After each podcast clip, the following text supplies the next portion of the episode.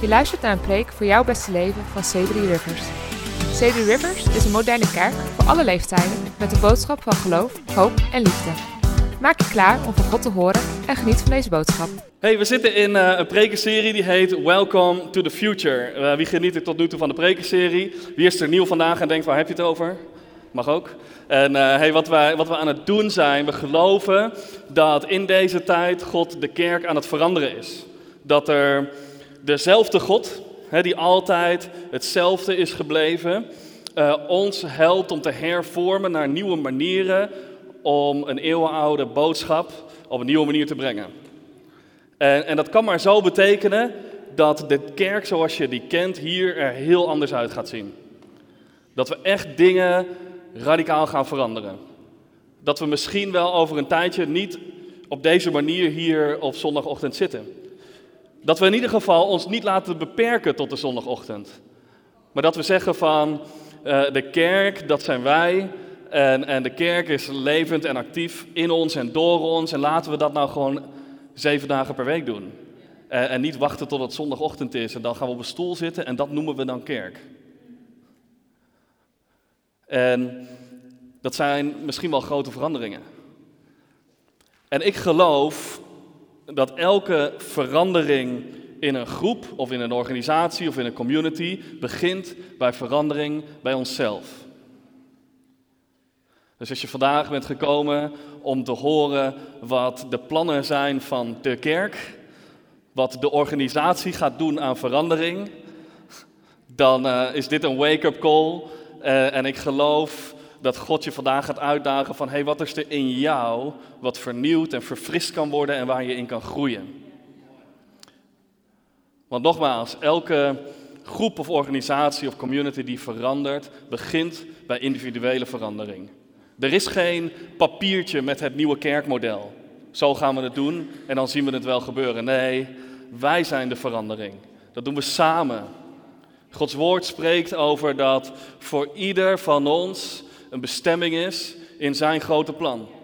Jij hebt geweldige gaven en talenten en een persoonlijkheid gekregen om onderdeel te zijn van Gods plan hier op de, op de wereld.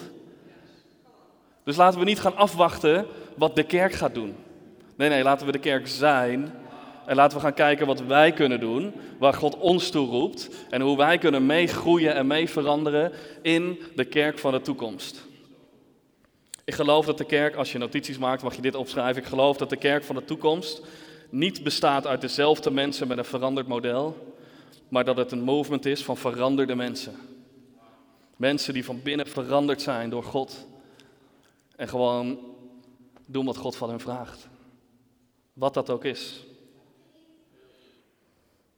En verandering en vernieuwing, want we kunnen daar heel veel over praten. En ik denk dat we dat de afgelopen weken al hebben gedaan. We hebben veel gesproken over, over verandering, vernieuwing, een nieuwe manier van denken. We kunnen er heel veel over praten. Maar de vraag is, zijn we ook aan het veranderen, toch? En dat kan je dan op jezelf betrekken. Ben ik aan het veranderen? En daarom is de titel van mijn preek vandaag is de spiegel van verandering.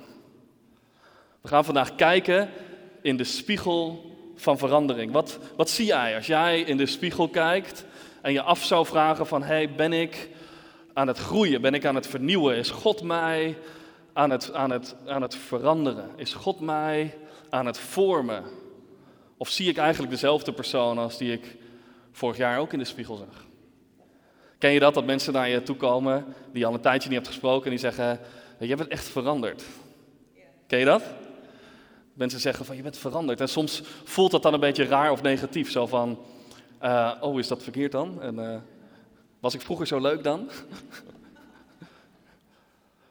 maar, en, en ik ga een paar clichés noemen hier. Net zoals, uh, weet je wel, de kerk dat ben jij, dat weten we allemaal. Maar weten we het ook echt? of verandering is groei. Daar geloof ik helemaal in. En groei is verandering. Wat betekent dat? Dat om te kunnen groeien, moeten we soms veranderen. Ken je zo'n pakje met, met bloemenzaadjes, wat je dan bij de intratuin koopt? En er staat dan een, een, eh, plaatje op van een, van een roos, weet je wel? Maar er zit geen roos in, er zitten een paar zaadjes in. En dan stop je dat in de grond, je geeft het water en dan gaat het groeien.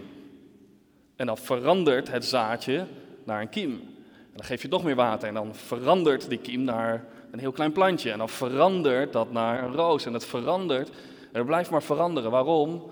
Omdat verandering nodig is om te groeien. En groei is nodig om te veranderen. Verandering is goed, vernieuwing is goed. En God is een God van vernieuwing. Er zijn zoveel Bijbelteksten die gaan over vernieuwing. Romeinen 12, vers 2 gaat over het vernieuwen van je denken. Het is zo mooi, we hebben de afgelopen tijd ook al over gesproken. Over, we hebben allemaal onze unieke gaven en talenten. Dat zijn, niet, dat zijn niet enkele, dat zijn wij allemaal. God heeft ons allemaal gemaakt met onze unieke gaven en talenten. En Romeinen 12, die spreekt daarover. Die zegt eerst, wordt vernieuwd door het veranderen van je denken. En daarna spreekt het over de gaven en talenten die wij ontvangen hebben. Hoe bijzonder is dat? Dat als wij echt de potentie van onze gaven en talenten willen gebruiken, dan betekent het dat we moeten blijven veranderen. Dat betekent dat we moeten blijven groeien. En ik wil vandaag met je kijken naar een Bijbels verhaal van verandering. In Handelingen 9, het verhaal van Saulus. Zullen we lezen? Als je je YouVersion app hebt, kan je die erbij pakken of, uh, of kijk gewoon op het scherm. Hey, Handelingen 9 vanaf vers 1. Saulus bleef de leerlingen van Jezus fanatiek achtervolgen en hij dreigde hen met de dood en gevangenis. Hij ging naar de hoge priester en vroeg om aanbevelingsbrieven van de synagoge in Damascus, een stad waar veel Joden woonden. Hij wilde daar mannen en vrouwen opsporen die in Jezus geloofden, hen in de boeien slaan en naar Jeruzalem brengen. En hij kreeg die brieven en hij ging op weg. Is eigenlijk heel bizar wat hier gebeurt.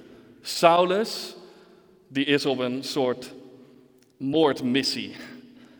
Ik ga al die christenen, al die Jezusvolgers te pakken nemen, in de gevangenis gooien en als het, als het me even uitkomt, dan vermoord ik ze. Dat is bizar. Eén man. En die gaat naar de overheid en die zegt, mag ik alsjeblieft toestemming om dit te doen? Dat is nog raarder. En de overheid zegt, ja tuurlijk, hier zijn je brieven. Stel je voor dat je iemand hier op straat tegenkomt. Die pakt jou en die zegt, hey, jij bent een christen, dus ik gooi je in de gevangenis. Of ik neem je mee waar je gedood wordt. Is toch bizar? Maar het nog bizardere is dat die persoon dan zou zeggen: Ja, maar ik heb brieven van de overheid dat dit mag. Onwerkelijk. Paulus was fanatiek leerlingen van Jezus aan het achtervolgen. Lezen verder. En toen hij in de buurt van Damascus kwam, flitste er plotseling een licht vanuit de hemel dat hem omstraalde. Hij viel op de grond en hoorde een stem: Sal, Sal, waarom vervolgt u mij? Saulus vroeg: Wie bent u, heren? Ik ben Jezus, zei de stem, die u zo fanatiek vervolgt. Sta op en ga de stad in. Daar zal u gezegd worden wat u moet doen. De mannen die met Saulus mee reisden waren met stomheid verslagen. Ze hadden de stem wel gehoord, maar niemand gezien. Saulus stond op en deed zijn ogen open, maar hij kon niks zien. De mannen die bij hem waren, namen hem bij de hand en brachten hem Damascus binnen. Drie dagen later, drie dagen lang kon hij niets zien en al die tijd at en dronk hij niets. Eenmaal in die stad stuurt God een man genaamd Ananias naar Saulus toe om voor hem te bidden. En tijdens dat gebed openen zijn ogen weer en wordt hij vervuld met de Heilige Geest. Vers 19 lezen we verder. Daarna liet hij zich dopen en ging hij wat eten om op krachten te komen. Saulus bleef een paar dagen bij de volgelingen van Jezus in Damascus en hij ging zelfs naar verschillende synagogen en vertelde daar zelf openlijk dat Jezus de Zoon van God is. Tien versen later gaat hij van een Jezus volger, vervolger, van iemand die christenen wil opsluiten, naar iemand die Jezus zelf verkondigt in de synagoge. Tien versen later. Drie dagen staat hier. Drie dagen was hij daar en bam, hij laat zich dopen en hij spreekt zelf over Jezus. Hey, zullen we heel kort bidden voordat we dit verder gaan ontdekken? Vader God, dank u wel voor uw aanwezigheid hier op dit moment. Heilige Geest, help ons om in de spiegel te kijken van verandering. En onszelf te zien door uw ogen. In Jezus' naam, amen. Amen. Ik wil het met je hebben dus over verandering. En er, is, er zijn allerlei verschillende manieren van verandering. Je kan je dan afvragen, wat verandert er dan? Stel dat, stel dat ik zou veranderen. Stel dat we nadenken over de kerk van de toekomst en, en ik wil daarin meegroeien. Ik wil dat persoonlijk maken. Ik wil ontdekken wat Gods plan voor mij is. Wat verandert er dan eigenlijk? Ik kan heel veel praten over verandering. Maar laten we nou gaan ontdekken wat er dan verandert. Is het, is het ons, onze persoonlijkheid? Is het ons karakter? Is het onze manier van lopen? Is het onze kleding? Is het onze baan? Zijn het onze vrienden? Wat, wat verandert er nou? En we gaan gewoon ontdekken wat is er veranderd in Saulus. En, en wat gebeurt er daarna? Hoe, hoe gedraagt hij zich daarna? En, en nog belangrijker, hoe is dat gekomen? Hoe kan dat nou dat hij ineens zo verandert? Weet je, net zoals die, dat bloemetje waar ik het over had, hè? Die, die dan van een zaadje uitgroeit naar een mooie bloem, dat heeft water nodig. Ik weet niet uh, hoeveel, ik ben heel goed in bloemen en planten uh, laten sterven. Maar sommige mensen zijn heel goed in goed zorgen voor planten. En dan geef je, weet ik veel, één keer in de twee, drie dagen geef je dat water. En, en elke keer als je dat doet, dan, dan heeft die, die bloem weer de voeding om te kunnen groeien, om te kunnen veranderen. En zo is het ook met ons leven. We hebben iets van voeding nodig om te kunnen veranderen. We hebben iets van voeding nodig om te kunnen groeien.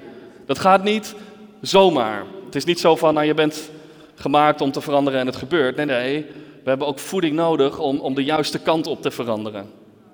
Om de juiste kant op te kunnen groeien. En bij Saulus zie je dat ook. Er is een verandering en het is merkbaar. Net zoals een bloem van een zaadje naar een bloem. Dat is merkbaar. Je ziet de verandering. Ik zie mijn kinderen opgroeien. Mijn oudste dochter wordt volgende maand acht. En dat vind ik echt bizar oud, omdat ik me dan realiseer dat ik al acht jaar vader ben. En dan vind ik mezelf gewoon heel oud. En uh, ik weet dat ik er heel jong uitzie, dankjewel. Maar het is bizar om je kinderen dan zo, te zien opgroeien. En het, en het, mooie is, dat vinden we allemaal uh, te gek, toch? Dat kinderen groeien, dat bloemen, planten, bomen groeien. Toch is het soms zo dat als we zelf dan moeten veranderen, dan is het een beetje lastig. Ja, ik vind het eigenlijk wel fijn hier. Ik vind het eigenlijk wel lekker zoals ik me gedraag en zoals ik ben en zoals ik denk. Moet ik nou echt veranderen? Verandering is groei. En als we willen groeien, als we meer willen ontdekken van wie God is, en er is meer te ontdekken. God leren kennen is, is dat gebeurt niet in één moment. God is zo ontzettend groot en zo breed en er is zoveel van Hem te leren, dat wij elke dag weer opnieuw voeding nodig hebben. Elke dag weer verandering en groei nodig hebben om echt te kunnen ontdekken wie Hij is en wat Hij voor ons heeft. Weet je, Saulus, wat we hier lezen, in de eerste zin staat er iets heel interessants. Saulus was fanatiek. Hij was fanatiek. Hij was een echte go-getter. Iemand die, die er geen gras over laat groeien. Iemand die gewoon ging, die zelfs naar de overheid ging om brieven te vragen en die gewoon ging, ging, ging. Niet ging wachten, niet uh, dingen aan het toeval overliet, maar hij wilde gewoon gaan. Ik weet niet of je wel eens een persoonlijkheidstest hebt gedaan, om erachter te komen van wat is, wat is mijn, wat is mijn persoonlijkheidstrait, hoe is mijn karakter, hoe zit ik in elkaar. Als, als Saulus dat doet, ik weet niet of je de Enneagramtest kent, dan zou die een echte drie zijn. Dat betekent iemand die altijd doelen zet, iemand die altijd dingen wil behalen, iemand die altijd resultaatgericht bezig is, iemand die altijd fanatiek is, iemand die altijd uh, efficiënt en effectief wil zijn. Zo iemand was Saulus. Wat voor iemand ben jij? Misschien ben jij wel een, uh, een helper, iemand die heel graag andere mensen helpt. Iemand die graag op de achtergrond blijft en zoiets heeft van, weet je, ik zorg wel voor de koffie, ik zorg voor de goede sfeer. Of misschien ben jij echt een, een denker en een lezer. Iemand die gewoon heel erg bezig is met, met feiten en weetjes en, en onderwijs. Zodat als, als iemand het nodig heeft, dan kan je diegene helpen met, met wat wetenschap. Wat voor iemand ben jij? En ik geloof dat verandering niet betekent dat dat gaat veranderen. Nee, sterker nog, ik geloof dat als jij verandert door wie God is, door een aanraking van Hem, door een moment in Zijn aanwezigheid, dat Hij zal bevestigen wie jij bent. En wat jouw persoonlijkheid is. En dat hij je ogen zal openen en zal zeggen van, hé, hey, ik heb je zo gemaakt. En ik wil dat je alleen nog maar meer van jezelf bent. En laten we dit samen doen. Weet je, die, die voeding waar ik het over had, die we nodig hebben om te groeien, die, dat zien we ook hier in dat verhaal van Saulus. En het is één moment in Gods aanwezigheid. We lezen dat verhaal en de ontmoeting met Jezus duurt drie versen. Drie versen. That's it. Ik denk dat als wij zo'n soort ontmoeting met Jezus zouden hebben, waarin alles verandert, waarin er een lichtflits is, dan zullen we niet één, twee, misschien wel drie boeken daarover schrijven. Dan zullen we het aan iedereen vertellen. Het nieuws komt bij ons langs en, en we, eh, worden Instagram viral en, en, en we worden geïnterviewd en, en we gaan een vlog beginnen en, en iedereen zou het moeten weten, toch? Als er zoiets radicaals in, in iemands leven gebeurt, nou dan, dan is het all over. Maar hier, in dit verhaal, is het drie versen. That's it. Drie versen. En bedenk je even wie dit is. Dit is Saulus, die verandert in Paulus. Paulus, degene wiens brieven wij nog regelmatig lezen. Wij gebruiken als onderwijs voor ons christelijk geloof. Degene waarvanuit er kerken geplant werden op allerlei verschillende plekken om vervolgens geplant te worden, ook hier in Europa en hier in Arnhem en hier in dit gebouw. Als, als Paulus er niet was geweest, als hij niet zo fanatiek was geweest in het uitdragen van Jezus, dan hadden wij hier nooit gezeten. Dan hadden wij waarschijnlijk nooit gehoord van Jezus. Drie versen wordt er over deze verandering geschreven. Drie versen. Heeft de hele toekomst van de kerk veranderd. Heeft de hele toekomst van ons als christenen veranderd. Drie versen. That's it.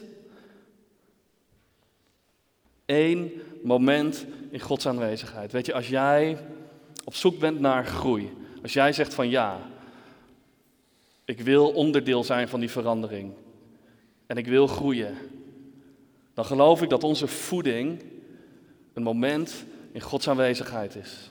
Eén aanraking van God. Eén moment waarin we ineens ontvangen van hey, dit is wat God voor mij heeft. En er is een nieuw album uit van, van Elevation Worship samen met Maverick. Ik weet niet of je hem kent of je hem geluisterd hebt. Dus ze zingen een nummer over, over miracles. En dan, en dan zingen ze uh, A Million Little Miracles. One, two, three, four, I can't count them all. Oftewel, er gebeuren miljoenen wonderen in ons leven. Ontelbaar veel. Ik kan, ik kan ze niet eens meer bijhouden. Zoveel is God aan het doen in ons leven. Weet je, deze ontmoeting die Saulus had met Jezus, dat was één ontmoeting waar we even op inzoomen. Het is één ontmoeting waar alles verandert. Maar er is zo ontzettend veel van God te ontdekken in ons leven. Er is zoveel nog te leren van wie Hij is en wie wij zijn als we Jezus nog beter leren kennen. Dat we 1, 2, 3, 4 ontelbaar veel ontmoetingen met God kunnen ervaren. Ontelbaar veel aanrakingen van God, lichtflitsen van God kunnen ervaren. En nee, ze zijn misschien niet allemaal zo radicaal. Dat er een lichtflits komt en dat er bam ineens van alles gebeurt en dat we liggen te huilen op de grond. En, uh, nee, soms is het gewoon een realisatie dat we ons bedenken van jeetje, is dit echt waar?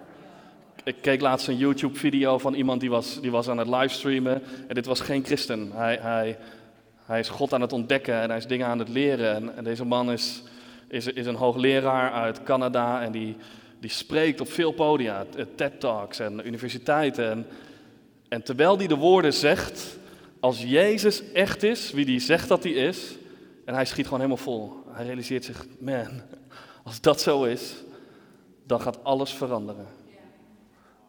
Als ik echt zou geloven wat ik, wat ik zeg dat ik geloof, dan zou alles veranderen. En ik geloof dat jij ook vandaag en misschien deze week en dat er zoveel momenten zijn in jouw leven waar je, waar je, waar je zo'n moment kan ervaren van man, als dit echt waar is, dan zal alles veranderen. En dan zul je veranderen en dan zul je groeien. We zien Saulus als een fanatieke man, een fanatieke achtervolger van christenen. En dan, dan ontmoet hij Jezus. En het is interessant wat daar gebeurt. Dus weet je, je kan je Bijbel erbij pakken en meelezen, want ik, ik zie drie dingen in ieder geval die hier gebeuren. En het eerste is dat er staat, er is een plotselinge lichtflits. Een plotselinge lichtflits. En, en het is helemaal om Saulus heen. Weet je, ik geloof dat als er een moment in Gods aanwezigheid is, een aanraking van God is, dat het gewoon duidelijk is. Dat je de dag daarna zal zeggen van, man, ik heb gisteren zo'n aanraking van God ervaren en ik heb dit en dit geleerd.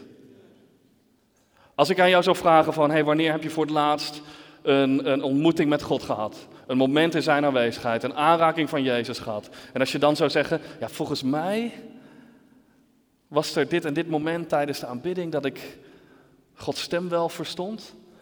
Of volgens mij was er laatst een keer zo'n moment dat ik aan het wandelen was en dat ik het idee had dat God bij me was. Volgens mij, nee.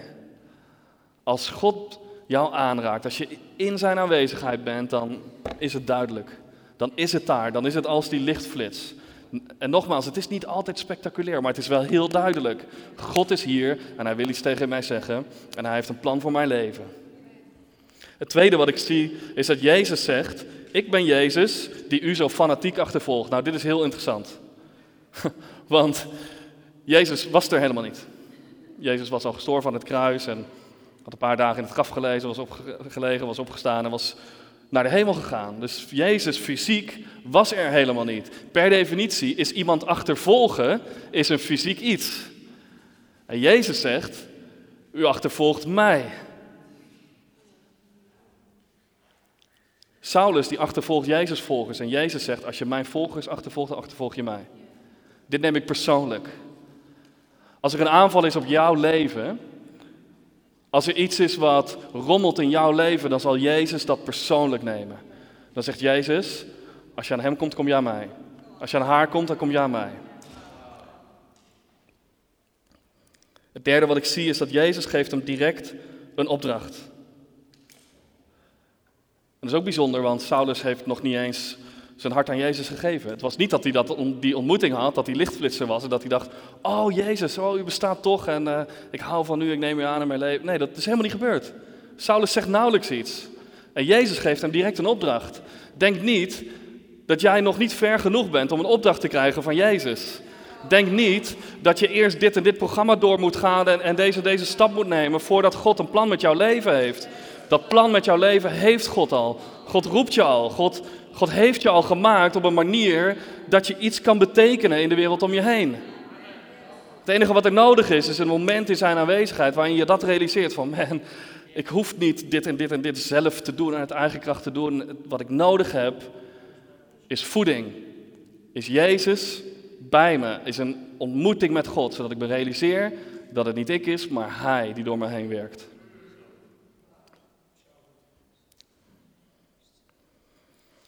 Maar laten we nog even kijken naar wat er dan verandert in Saulus. We lezen nog een keer die laatste versie. Daarna liet hij zich dopen en hij ging wat eten om op krachten te komen. Saulus bleef een paar dagen en in een Engelse vertaling staat er: He wasted no time.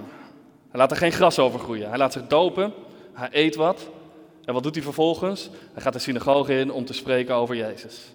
En daarna gaat hij verder, kerken planten, mensen onderwijzen, die Saulus, die zo fanatiek was in het achtervolgen van christenen, is nu zo fanatiek in het zelfverkondigen van Jezus. Als jij een ontmoeting met God hebt, dan zal God jou bevestigen in wie je bent. Niet, niet je persoonlijkheid willen veranderen. Niet willen zeggen van nou, je was eerst altijd een heel zacht persoon en een heel aardig persoon. En nu word je ineens een, een weet ik veel, een, een harde gemeenerik of zo. Nee, nee. God kan jou gebruiken zoals hij jou heeft gemaakt. Soms denken we dat, we dat zodra we christen zijn en we, en we groeien in ons geloof, dat we ons anders moeten gedragen, anders moeten kleden, andere muziek moeten luisteren. Nee, nee. God wil jou bevestigen in wie je bent. Tuurlijk zijn er dingen die misschien soms anders kunnen, omdat ze ons van God afhalen. Maar zoals jij gemaakt bent, uniek door God, dat wil hij alleen maar laten groeien. Wat verandert er wel? Saulus was dezelfde persoonlijkheid, hij had alleen een hele andere missie. Hij achtervolgde niet meer christenen, maar hij volgde Jezus. Als jij een ontmoeting hebt met God, als jij veranderd bent door een aanraking van God, dan zal je missie veranderen. Dan zal je ineens merken van man, God stuurt me die kant op. En ik heb alles al in me wat ik nodig heb en ik ga die kant op. Als jij veranderd bent in Gods aanwezigheid, dan zal het merkbaar zijn. Dan zullen mensen om je heen zeggen: Waarom ben je ineens zoals je bent? Dan, zal het te zien zijn in, in je gedrag, in, je, in, de manier waarop je je tijd spendeert, in, in je vriendschappen, de manier waarop je spreekt. De band mag ondertussen naar voren komen. Ik geloof dat ons handelen, die dingen die we doen, een vrucht is van een moment in Gods aanwezigheid. Die ene aanraking, dat ene moment, die drie versen, dat korte moment in Gods aanwezigheid kan alles doen veranderen en het zal zo zichtbaar en merkbaar zijn. En nu is het tijd voor de spiegel. Wie is er klaar om in de spiegel te kijken? Als jij aantekeningen maakt, schrijf dan de drie dingen op die ik, die ik straks met je ga delen. Als wij in de spiegel kijken, we onszelf dan de vraag te stellen: ben ik aan het groeien? Ben ik in de afgelopen maand, half jaar, jaar gegroeid? Ben ik veranderd? Want nogmaals, verandering is groei. En een moment in Gods aanwezigheid kan ervoor zorgen dat we meer ontvangen van Zijn plan met ons leven. Meer bevestigd worden in onze identiteit in Hem. Dus als we in die spiegel kijken, dan denk ik dat er drie vragen zijn die we onszelf kunnen stellen. En de eerste is, wat is de laatste keer dat iemand tegen jou zei, hey, jij bent echt veranderd? Wat is de laatste keer dat iemand aan jou merkte dat je christen bent? Wat is de laatste keer dat iemand aan je gedrag zag dat je met God leeft? Wat is de laatste keer dat iemand zag aan jou, volgens mij heb jij iets meegemaakt? De tweede vraag is, is mijn persoonlijkheid sterker geworden? Zoals Saulus fanatiek was. Wat ben jij? Wat is jouw persoonlijkheid die, die God jou gegeven heeft? Zo uniek als jij gemaakt bent. En is die aan het groeien? Als je een helper bent, ben je dan meer aan het helpen, meer aan het kijken van hoe kan ik mensen helpen? Als jij iemand bent die wijsheid in zich heeft, ben je dan meer aan het zoeken naar, naar nieuwe wijsheid van God en, en manieren om dat te delen? Als jij fanatiek bent, ben je dan nog fanatieker aan het worden? En de derde vraag is, is mijn gedrag veranderd na een ontmoeting met God? Misschien zeg je wel van, ik heb, ik heb, vorige week zo'n ontmoeting met God gehad. En dat deel je dan met je vrienden, weet je wel. Van, oh, ik heb zo'n aanraking van God ervaren. Ik moest echt van huilen en het was zo bijzonder en uh, bla bla bla. Oké, maar wat is er ook veranderd? Of heb je gewoon een fijn momentje gehad? Was de muziek gewoon goed en, en de audiotechnicus hadden het goed afgesteld en de worship leaders zijn precies de mooie woorden. Allemaal mooi. Maar als je een moment in Gods aanwezigheid hebt gehad, dan zal het merkbaar zijn. Wanneer is jouw gedrag veranderd door een ontmoeting met God? Hey, zullen we gaan staan? Als we de balans zouden moeten opmaken van de afgelopen week, maand, jaar, zien we dan verandering? Of hebben we meer momenten in Gods aanwezigheid nodig? Misschien hoor je dit vandaag wel en bedenk je je van, hé, hey, wacht eens even. Misschien heb ik zo'n moment in Gods aanwezigheid wel heel lang niet meer gehad. Want ik, als ik heel eerlijk met mezelf ben, ben ik gewoon nog een beetje hetzelfde als vorig jaar. Heeft misschien dit hele gekke COVID-jaar er wel voor gezorgd dat ik een beetje stilsta. En ja, ik wil meer groeien. Ik wil meer lijken op Jezus. Ik wil wel veranderen en vernieuwen. En ik heb een moment in Gods aanwezigheid nodig. Ik heb een ontmoeting met God nodig. En misschien is vandaag voor jou die ontmoeting met God. We gaan zo een nummer zingen. En, en, en, en neem gewoon voor jezelf een moment om bij God die, dat verlangen neer te leggen. Van God, ik wil, net zoals die plant gewaterd worden door je. Ik wil voeding ontvangen in uw aanwezigheid. Ik wil ervaren wat het is om, om face-to-face bij u te staan. Ik wil ervaren wat het is om uw stem weer te horen. Ik wil ervaren wat het is om een ontmoeting met een hemelse vader te hebben. Weet je, als wij als kerk verandering teweeg willen brengen in de wereld om ons heen, dan begint verandering bij onszelf. En dat begint in Gods aanwezigheid. Dus hey, laten we dit nummer gaan zingen en laten we gewoon een moment bij God zijn. Gewoon zijn aanwezigheid zoeken, gewoon een aanraking van Hem ervaren terwijl we dit nummer zingen. Bedankt voor het luisteren. We horen graag hoe God aan het werk is in jouw leven door deze boodschap. Als je dit wilt delen, meer informatie wilt over onze kerk of onze ministry financieel wilt supporten, ga dan online naar cedryrivers.nl. We hopen van je te horen en zien je graag in een van onze kerkdiensten in Arnhem en Nijmegen.